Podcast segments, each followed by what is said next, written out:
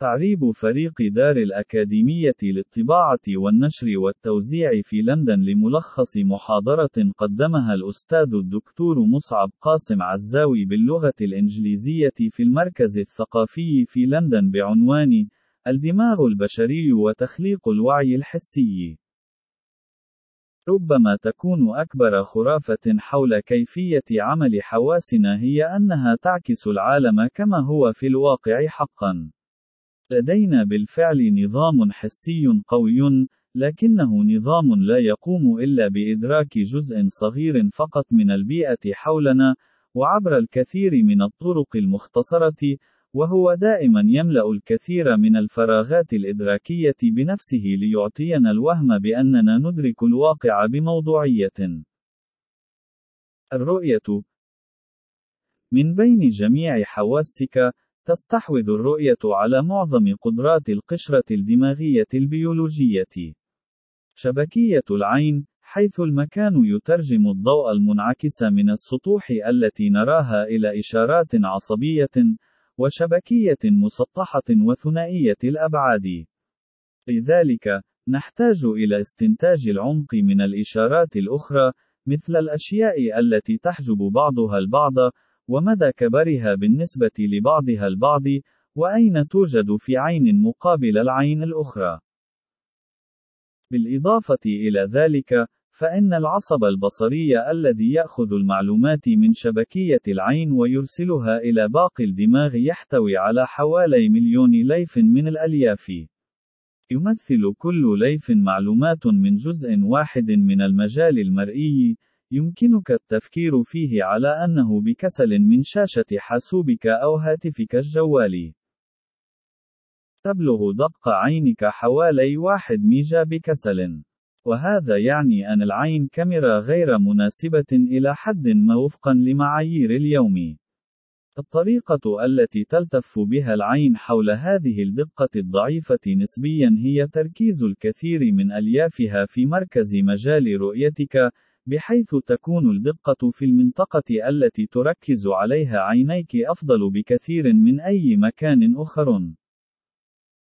ومع ذلك، يبدو الأمر كما لو أن المشهد المرئي بأكمله أمام عينيك يتم عرضه على دماغك بنفس الدقة. أنت فقط لا ترى العالم مثل هذه القطعة الصغيرة المفصلة والمحاطة بالتشويش. تراه وهو يحتوي على دقة موحدة. وذلك لأن دماغك يخدعك. إذ تم تكييفه تطوريا لتزويدك بالمعلومات التي تحتاجها للعثور على الطعام والأصحاب والتهرب من الحيوانات المفترسة. لا يدرك الدماغ سوى جزء صغير من المعلومات المتاحة من العالم ويملأ الباقي من عنده، مما يمنحنا الإحساس بأنه يمكننا أن نرى ونسمع ونشم ونتذوق ونشعر أكثر بكثير مما نستطيع القيام به في الواقع.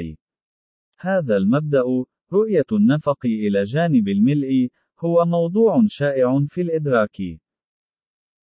على الرغم من أن بشرتنا تشغل مساحة سطح أكبر من أي عضو آخر، إلا أننا نعتمد على أعيننا أكثر عندما يتعلق الأمر بتكشف العالم من حولنا. والحقيقة هي أن نظامنا البصري مذهل حقًا، ويتم تخصيص جزء كبير من قشرتنا الدماغية لمعالجة المعلومات المرئية أكثر من أي حاسة أخرى. تطور النظام البصري يخبرنا أيضًا عن كيفية عمل الدماغ، لأنه نظام مثله مثل معظم أجزاء الدماغ الأخرى، لديه استعدادات فطرية عند الولادة، ولكن بدون التجارب الصحيحة والتدريب الصحيح يفشل في التطور بشكل طبيعي. ولادة الخلايا العصبية هي مجرد الخطوة الأولى في بناء الدماغ. والخطوة التالية هي توجيه تلك الخلايا العصبية إلى حيث يجب أن تتمركز تشريحيًا لعمل اتصالات مفيدة. والخطوة الثالثة هي توصيل تلك الاتصالات بحيث تشكل شبكة عاملة. هذه المرحلة الأخيرة تعتمد بشكل كبير على الخبرة والتدريب واستمرار التحفيز، فالخلايا العصبية المعزولة، التي لا تتلقى أي رسائل من خلايا أخرى، تموت. تنطبق هذه الفكرة على العديد من جوانب نمو الدماغ، لكن الرؤية حساسة بشكل خاص لما يسمى بالفترة الحرجة، وهي نافذة زمنية يجب خلالها توفير المدخلات الصحيحة وإلا فلن يتطور النظام بشكل صحيح أبدًا. هذا هو السبب في أن استعادة البصر في مرحلة البلوغ بعد فقدانه في مراحل الطفولة المبكرة ليس بالأمر السهل على الإطلاق. كيف تعمل الرؤية؟ يعد النظام الإبصاري أداة رائعة لتوضيح مبادئ الإدراك الأخرى أيضًا، لا سيما عملية ملء الفراغات التي يقوم بها الدماغ والتي لا ندركها إلى حد كبير. ينتقل الضوء المرئي في شكل فوتونات، حزم صغيرة من الطاقة، ترتد عن الأشياء التي تصادفها. يمكن أن تكون موجات الضوء قصيرة جدا أو طويلة جدا، أو بأي طول يقع بين الحدين الأقصيين لطول الموجات الضوئية، ويمكننا نحن البشر فقط إدراك جزء صغير من هذه السلسلة المتصلة من أطوال الموجات.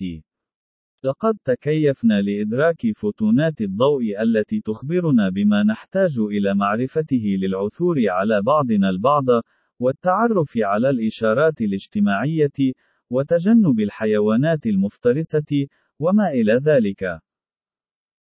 جزء صغير من الفوتونات التي ترتد من العالم الخارجي تشق طريقها إلى أعيننا، حيث يتم تركيزها بواسطة عدسة في باطن العين على الجزء الخلفي من مقلي أعيننا، حيث تقوم الخلايا التي تسمى المستقبلات الضوئية بإطلاق سلسلة من الإشارات العصبية. لدينا نوعان من المستقبلات الضوئية، تسمى العصية والمخاريط بسبب شكلها، والتي يتم توزيعها بشكل مختلف على طول الجزء الخلفي من الشبكية.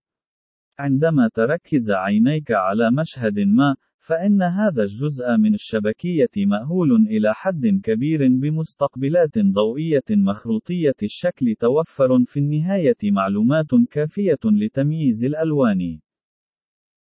المخاريط الموجودة في هذا الجزء من الشبكية مكدسة بالقرب من بعضها البعض ومتصلة بخلايا المنبع بنسبة واحد إلى واحد، أي لكل مخروط، هناك خلية واحدة في المنبع تلتقط إشاراتها وتمررها إلى الدمغ عبر العصب البصري.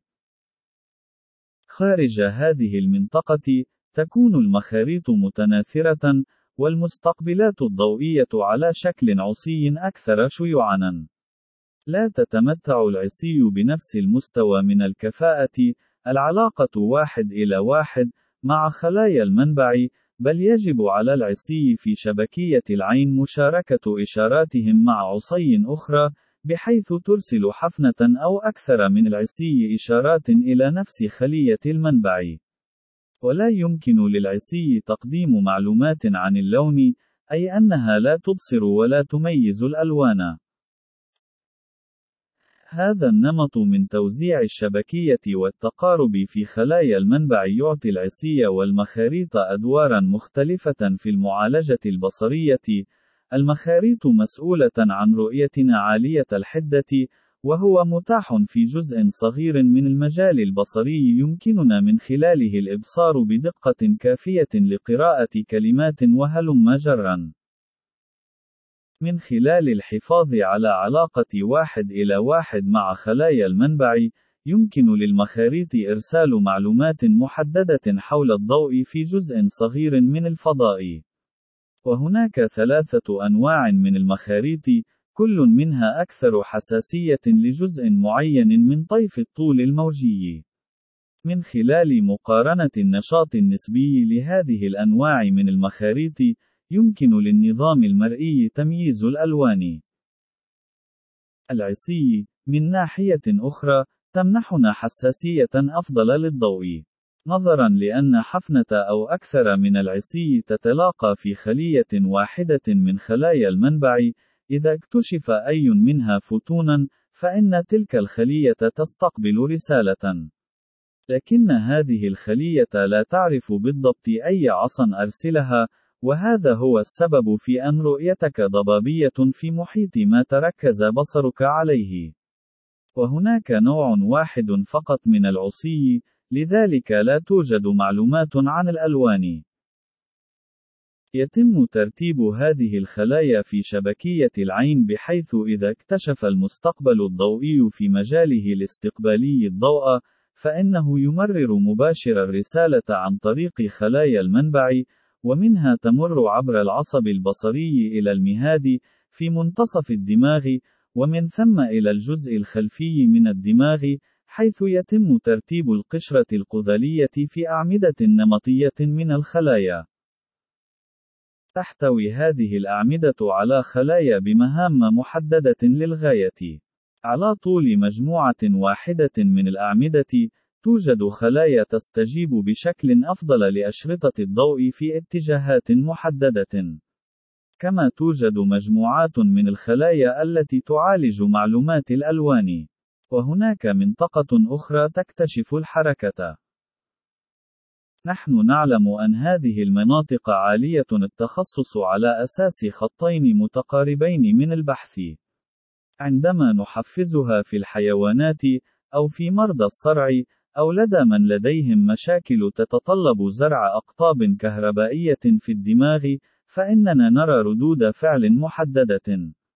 وعندما تتضرر هذه المناطق بأفات محدودة، من ورم أو رصاصة، على سبيل المثال، يعاني المرضى من إعاقات معينة.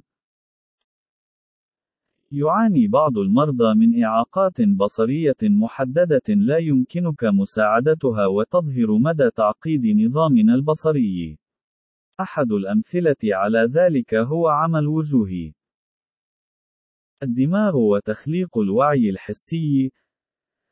لدينا حتى نقطة عمياء في شبكية العين، حيث تخرج الألياف العصبية من العين، حيث لا توجد مستقبلات ضوئية، لذلك لا يمكننا اكتشاف الفوتونات في هذا الجزء من مجالنا البصري.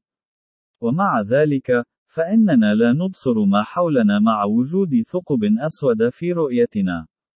وعلى الرغم من أن النقطة العمياء ليست بعيدة عن مركز مجال رؤيتك، إلا أنك لا تلاحظها لأن دماغك يسد الفراغ فيما تبصره حقا بإنتاج محض من الدماغ نفسه لملء الفراغ حصرا.